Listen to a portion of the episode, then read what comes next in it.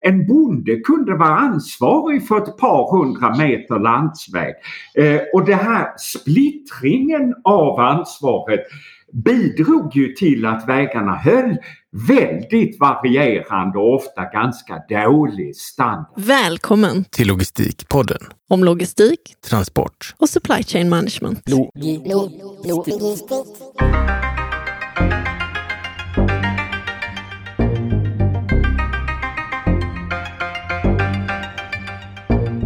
Varmt välkommen till Logistikpodden och idag har vi en otroligt spännande gäst att bjuda på. Gunnar Wetterberg är inte bara tvåfaldig På spåret-vinnare. Han har också jobbat i 40 år som diplomat, utredare och eh, chef eh, på diverse olika positioner i samhället. Men är egentligen historiker och eh, eh, har nu eh, helt enkelt slutat sin chefskarriär och börjat skriva böcker otroligt intressanta böcker om eh, svensk historia och framförallt skånsk historia. Jag och Nina har träffat Gunnar och eh, vi pratar om vad som har gjort Sverige stort och hur logistiken har hjälpt att utveckla vårt land genom århundradena. Varmt välkomna!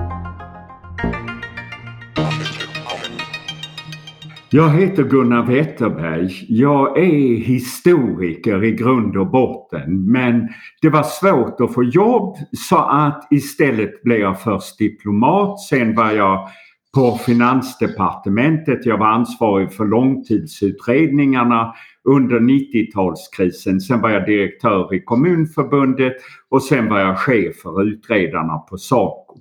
Men när jag hade gjort 30 år som chef så tänkte jag att nu ska jag göra något roligt. Och då satte jag mig på vinden och så skrev jag Skånes historia i tre band. Men jag har också skrivit om Axel Oxenstierna, om Wallenbergarna, om skogens historia, om ingenjörerna och nu senast om prästerna. Om du bara fick skriva en av de böckerna igen, vilken skulle det bli då? Det är nog boken om Oxenstierna som kanske har fyllt den största luckan det var tidigare. Så att på det viset skulle det kanske vara den. Skulle jag gå efter vad hjärtat känner eh, så skulle det nog bli boken om skogen och allt vad som hänger ihop med skogen. För det var eh, det är taget direkt ur skogen utanför Skånes Fagerhult där jag själv arbetar och liksom bottnar väldigt mycket i det. Att du har jättemycket erfarenhet, det är det ingen som tvivlar på efter den introduktionen och vi är väldigt glada att ha dig som gäst här i Logistikpodden. Vi eh, önskade ju att prata lite mer om att djupdyka i logistikens roll i historien, för den har ju haft en väldigt stor roll och vem kan vara bättre än du att förklara den för oss? När dök logistiken upp och vad har den haft för roll historiskt sett? Jag tror egentligen att när jag skrev om Skåne då gick jag igenom de här 14 000 åren då det har funnits människor här. Då blev man lite tagen av just det här därför att det här med att frakta saker fram och tillbaka Lite grann är det ju vad som gör oss till människor. Att vi kan ta någonting från en plats och flytta det till en annan plats där det gör större nytta än det ursprungligen var. Och det där märks väldigt, väldigt tidigt att det här med att minska friktionen mellan det man transporterar och underlaget, det kommer in eh, till exempel under förhistorien. En liten vägstump i Danmark där uppenbarligen norra danskar har varit nere i det romerska imperiet och sett stenlagda vägar och så försökt göra något liknande här uppe. Det, det, det slog inte igenom, det fick ingen efterföljd därför att väldigt länge var det ju istället det här med båtar som vi löste mycket av logistikens problem med. Men det är på sätt och vis en ganska bra illustration till att man alltid har försökt hitta sådana här lösningar. En annan eh, sak som, som min professor sa på Chalmers, det var att, att eh, de vertikala förflyttningarna var tio gånger dyrare än de horisontella. Eh, och att vi också har behövt utveckla teknologi för att kanske lyfta tunga saker och flytta över från ett transportslag till ett annat. Har, har, du sett några tecken på det där också? Den typen av utveckling när du har studerat historien? Ja, det här ligger ju lite i detta med att man använder sjön. Det kom en eh, väldigt spännande bok för några år sedan som heter Vägar mot Lund och den handlar egentligen om hur man byggde domkyrkan. Och då var det också så att det stora problemet när man fraktade stora sandstensblock de fyra milen från Hör till Lund. De riktigt stora problemen det var de två åar som man behövde ta sig igenom. Därför att då måste man först ner i själva fåran och sen upp för den igen. Och det var där som de riktigt stora problemen dök upp. Sen så kan man ju säga vi som människor gör ju likadant. Eh, jag har rätt ofta vandrat i fjällen i Sarek och det man lär sig oerhört snabbt det är det här inte tappa höjd. Alltså att hela tiden kolla kartan och kolla omgivningen och se hur ska jag kunna ta mig fram och röra mig så lite som möjligt upp eller ner. Det är lite som att gå i Visby. Ungefär. Fast fjällen eh, gillar jag nog bättre. Och det där är ju en miljö, just när man är ute och vandrar, som man också blir väldigt påmind om var det finns mycket resurser och var det finns lite andra typer av resurser i och med att man tar med sig saker in och ofta då också tar med sig skräpet ut för att belasta systemet så lite som möjligt. Men jag tänker, för du pratar just om det här med att förflytta saker. Kyrkan var har ju varit väldigt stor eh, historiskt sett, men när vi började förflytta och transportera saker, inte bara utbyta saker inom en by, vad, vad var det för varor som var aktuella då? Var, var eh, logistikens vagga, var ligger den? Hur långt tillbaka i tiden? Man kan säga att vi har flyttat saker väldigt, väldigt länge.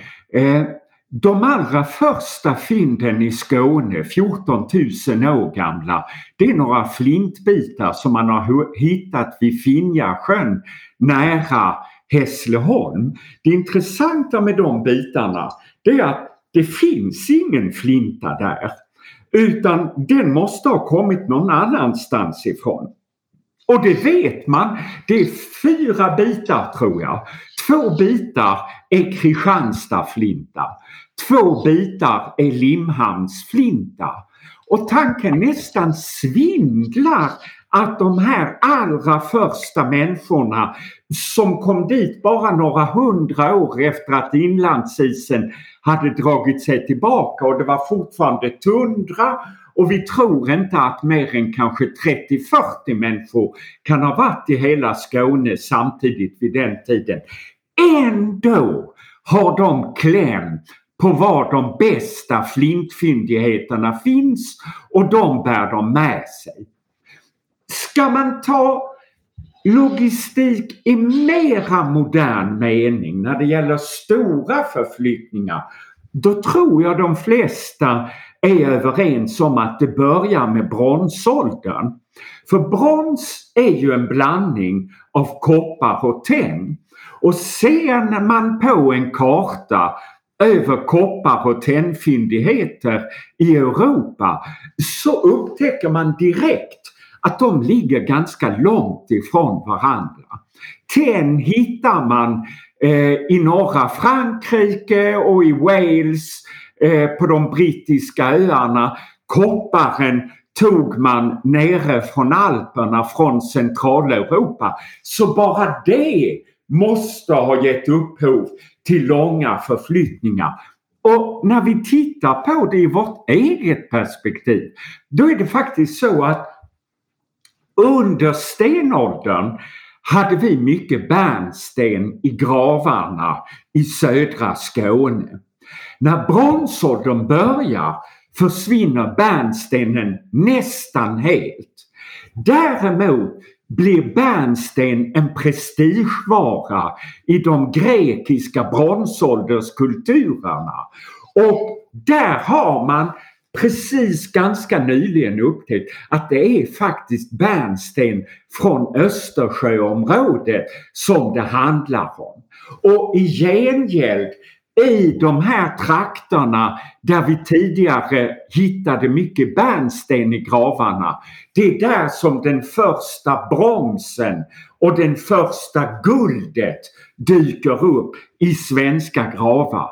Så vi tror att bronsåldern, det var då vi hade de första handelsmännen som flyttade varor fram och tillbaka över väldigt långa distanser. Och de här hällristningarna kan nog delvis tolkas som minnesmärken över dem. Och man tror att den här fantastiska kungagraven i Kivik kanske är ett monument över de hövdingar som förde in det här eh, på vår halvö. Det är ju precis som du är inne på svindlande att tänka på de här tidsperspektiven. Jag tänker att du har också skrivit en bok om svensk ingenjörskonst eh, och jag förde min dotter, hon går åttan, vi pratade igår då inför ett teknikprov om hjulets uppfinning och allt det ledde till, cyklar och bilar och sånt där om man går då från bronsåldern och säger att det är där handen, eh, man verkligen kan hitta den. När kom den utvecklade logistiken in i bilden? Ja, jag skulle säga att det är sjöfarten här uppe som spelar den allra största rollen. Hjulet kommer så småningom men problemet är ju då att hjulet måste rulla på ett underlag. Eh, och väldigt länge fanns det faktiskt egentligen nästan inga vägar. Alltså de här transporterna av sandstenen till domkyrkan som jag talade om. Det bygget pågick i 60 år. Under de här 60 åren fraktade man nästan 70 000 ton sandsten eh, till Lund, de här fyra milen. Och de här som har räknat på det säger att ja, kärrorna kunde bara ta några hundra kilo. Och det bör ha betytt att hela den här byggperioden landade i snitt 10 kärror om dagen i Lund med de här transporterna.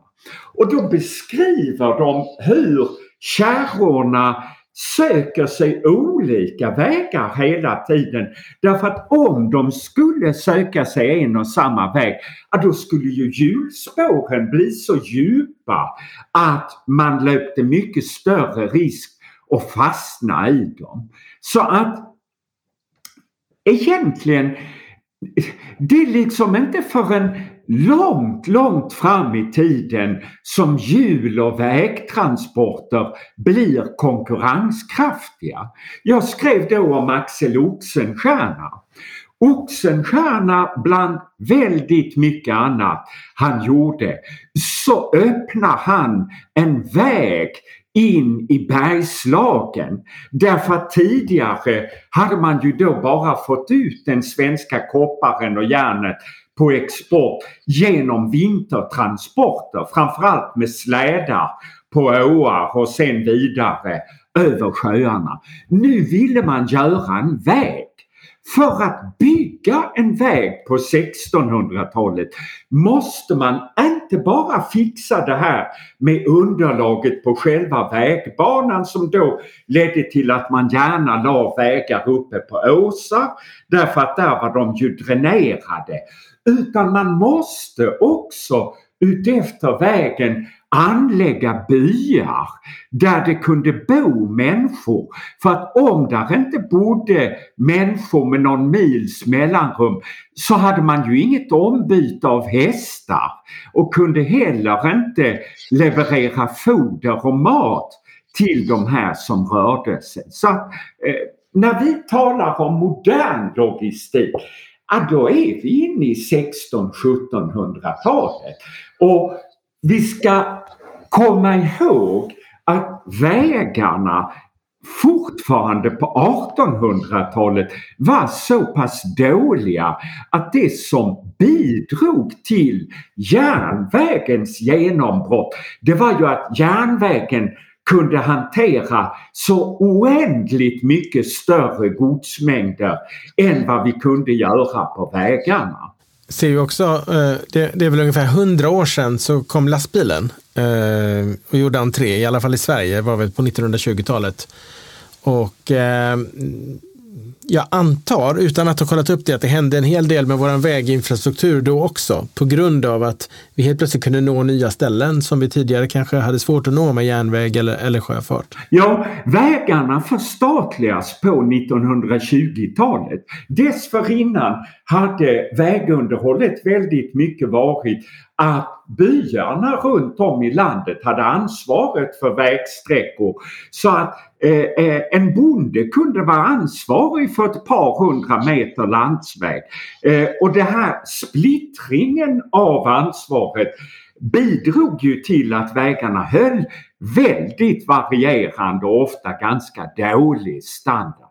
Men under 20-talet börjar man begripa att det här måste vi rusta och då tar man också ut skatter på bilarna, på bensin och jag tror man tar ut skatt på däcken och sådant för att få fram stålar så att man kunde rusta upp vägarna. Men egentligen är det ju inte förrän efter andra världskriget som massbilismen eh, och de storskaliga vägbyggena kommer igång riktigt på allvar. Och om man tittar på det då i ett perspektiv så känns ju de här hundra åren sedan 1920-talet då egentligen extremt eh, futtiga i ett historiskt perspektiv.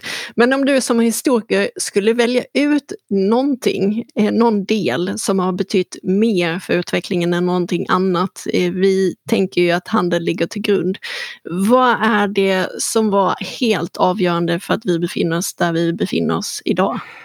Jag tycker att 1800-talet är ganska underskattat. Eh, jag tyckte själv 1800-talet var rätt tradigt när jag läste historia. Men när jag har jobbat med de här sakerna så skulle jag vilja säga det är 1800-talet som helt och hållet skapar om det svenska samhället.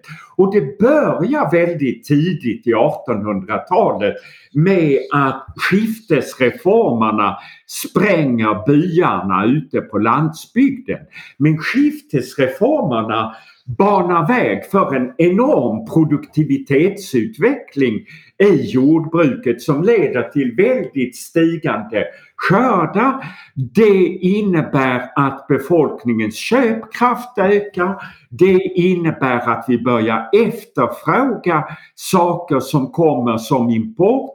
Det betyder att städerna börjar växa. Någonstans i mitten av 1800-talet börjar vi haka på industrialiseringen. Järnvägarna kommer på 1850-talet och framåt och knyter samman Sverige på ett sätt som det inte hade varit tidigare. Och den här sammanknytningen innebär också att vi kan få mycket effektivare produktionsprocesser.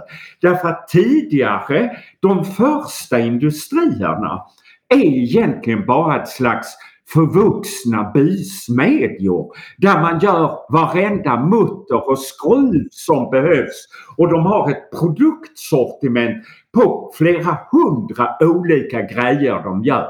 Men 1890-talet då börjar de här svenska snilleindustrierna komma. Och det som är karaktäristiskt för snilleindustrierna det är dels att de bara är specialiserade på några enstaka nischprodukter och alltså utnyttjar de bättre samfärdseln till att ta alla insatsvaror de behöver från andra håll. Men den andra karaktäristiska saken det är att de producerar redan från början 90 eller ännu mera för export. Och det gör att de är väldigt beroende av den här globaliseringen som kommer med ångfartygen och järnvägarna från några årtionden in på 1800-talet och framåt. Så att de här tidiga svenska företagen, sådana som Separator som idag är Alfa Laval och så småningom kullagerfabriken SKF. De säljer väldigt tidigt på Australien. Vilket ju liksom är helt fascinerande om man jämför med hur det såg ut så sent som på 17 början av 1800-talet. Så att 1800-talet är det riktigt märkvärdiga. Något som jag eh, ofta har konversationer runt och om det är eh, olika nationella särarter.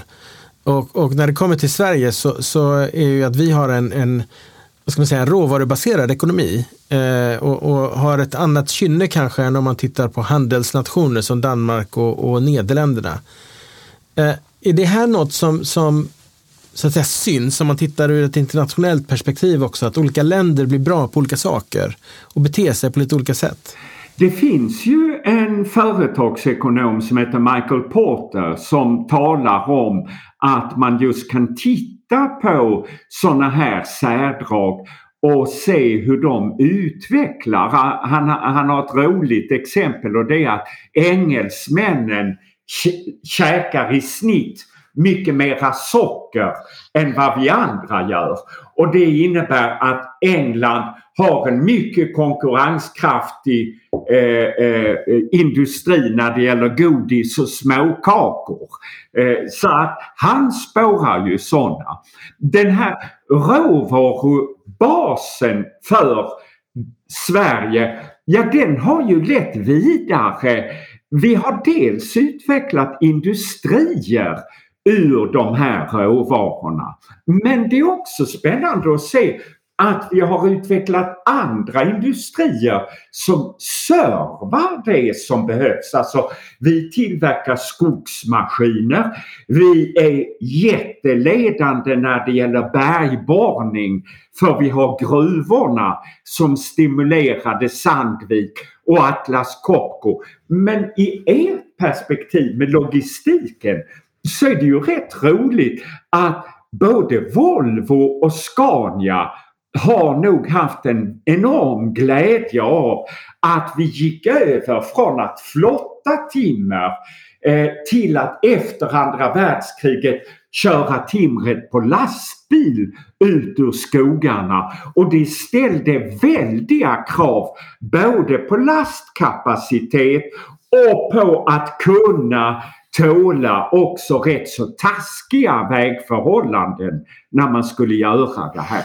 Var det fordonens utveckling som var avgörande för det här eller var det just den här förstatligande av vägarna som gjorde att förutsättningarna för att rulla runt på två hjul, eh, eller fyra hjul kanske det snarare var, eh, att de förbättrades? Jag tror egentligen att det var näringarnas behov som gjorde att lastbilarna kunde hävda sig. När jag skrev om skogen så upptäckte jag att eh, det var ju från början älvarna som gav Sverige en konkurrensfördel mot andra skogrika nationer. Men vartefter som skogsnäringen utvecklades så blev man ju väldigt störd över att kapital var bundet i skog för det mesta i ett par, tre års tid. Från det att man köpte rotposterna till det att de avverkades, till det att de flottades ner, till att de sågades upp och så äntligen kunde exporteras och vid ankomsten gav kapital. Så att en sak i detta var att korta eh, tiden som kapitalet var bundet Och istället för att vara beroende av vårfloden i älvarna så kunde man med lastbilarnas hjälp ha transporter hela året om. Och det kom också samtidigt med att eh, eftersom resten av den svenska industrin gick så bra efter andra världskriget så behövdes alla de taskigt avlönade skogsarbetarna. De behövdes nere i Västerås och Göteborg och Malmö. Så vi tömde Norrlands inland på skogsarbetare och då kommer mekaniseringen i skogen. Och mekaniseringen det var, ja fram till andra världskriget så hade vi i princip skött hela skogsbruket med yxa, såg, barkspade och häst. Och sedan efter så kommer de moderna, först motorsågen, sen de moderna skogsmaskinerna. Men då kommer också detta att med lastbilarnas hjälp kunna underlätta transporterna ut ur skogen. Jag kan tänka mig att man ser samma typ av utveckling. Du var inne på gruvorna men även inom, inom lantbruk till exempel. Att, att eh, teknologin och mekaniseringen har, har lett till ganska stora hopp i lönsamhet och skala och sådär? Alltså, vad man kan säga det är att eh, den första stora exportboomen i det svenska lantbruket den kom i mitten av 1800-talet. Eh, den tidens energikris det var att London och Paris hade vuxit sig så stora att det behövdes väldigt mycket hästar för transporterna. Väldigt mycket hästar äter väldigt mycket havre. Havren i Frankrike och England räckte inte till. Då började de importera havre och då visar det sig att tassemarkerna i Sverige, de sämsta jordarna, det var de vi hade odlat havre på. De låg dåligt till i förhållande till kusten så att havreexporten kommer igång på allvar när järnvägarna kommer och vi kan lägga bibanor från Hässleholm in i, eller från Helsingborg upp emot det nygrundade Hässleholm. För då kommer man förbi de här stora havreodlingarna i Göinge och Åsbo där jorden inte dög till så mycket annat. Eh, eh, och sen så börjar saker gå åt andra hållet. Eh, man importerar konstgödsel eh, och det blir liksom vad man fraktar i andra riktningen. Och så när eh, den svenska havreodlingen blir utslagen av majsen som kommer från Nordamerika, ja, då går vi över till betodling istället. Och betor är oerhört skrymmande och oerhört tunga. Så att de kräver också transporter. Eh, I Skåne kan ni ju se om ni tittar på en gammal järnvägskarta hur det går liksom som ett spindelnät emot de här spindlarna som är sockerbruken dit man behövde frakta fram de här betorna. Det är ju väldigt, väldigt spännande och eh, jag tänker just det här med skogsbruket kan jag förstå att de eh, lämnade norra Sverige när de fick chans till annat jobb. Eh, vår motorsåg på landet strejkade sist så att då går jag mig ut med en handsåg. Det tog lite längre tid och var kanske inte riktigt lika effektivt. Men jag tänker historiskt sett då när du har jobbat, för nu har du hunnit igenom ett flertal böcker. Vad har överraskat dig eller fascinerat dig allra mest i eh, Sveriges utveckling? Det är nog den här omställningen på 1800-talet från ett fattigt jordbruksland i Europas utkant när det här börjar till att vi vid slutet av 1800-talet är på väg att bli den här ingenjörsnationen som vi är idag. Eh, men sen är det ju också viktiga saker som händer under vägen som vi idag tar för givna. Men här, häromåret eh, så vann eh, en kille som heter Magnus Westerbro Augustpriset genom en bok om den stora svälten på 1860-talet. Eh, som var den sista riktigt stora hungersnöden i Sverige. Och det faktum att vi inte har haft någon hungersnöd sedan dess handlar ju väldigt mycket just om det här med transporterna. Att det är inte längre så att om skörden slår fel i Norrland som den då gjorde eh, de åren, flera år i rad, så betyder det att en massa människor kommer att svälta ihjäl. Utan idag är det någonting som vi löser genom att frakta livsmedel från andra delar. Eh, och det ser vi i u-länderna idag att svältkatastroferna framförallt uppkommer i länder där det här med distributionen inte fungerar. Jättespännande perspektiv och jag tänker att jag har lärt mig väldigt mycket. Även om jag haft förmånen att få lyssna till dig förut så ger det här tidsperspektivet som han får då på minst 14 000 år lite annan eh, krydda i den här anrättningen som vi brukar kalla logistik.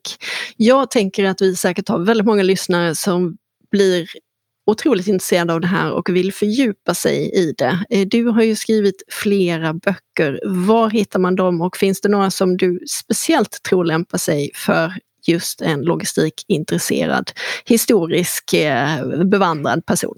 De som kommer närmast det här det är nog eh, eh den boken som heter Ingenjörerna och den som kom närmast före som heter Träden vandring i den svenska skogen.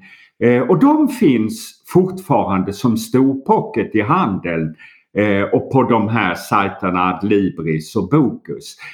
Sen finns ju logistiken som ett tema i de tre böckerna om Skånes historia.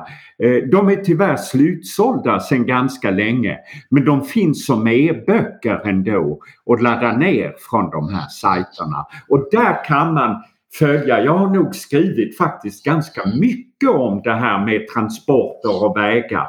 Eh, därför att det hör till det jag tycker är spännande i de böckerna. Och det tycker ju verkligen vi också. Så stort tack Gunnar. Jag tänker för de som lyssnar och vill dela det här så kan man ju också boka in dig som föreläsare. Var hittar man dig då? Ja, det finns en hemsida och där finns både mitt mobilnummer och eh, min mailadress. Så att eh, sök på Gunnar Wetterberg och ta första bästa hemsida som dyker upp. Stort tack Gunnar för att du har varit med och berikat oss i Logistikpodden. Tack själva.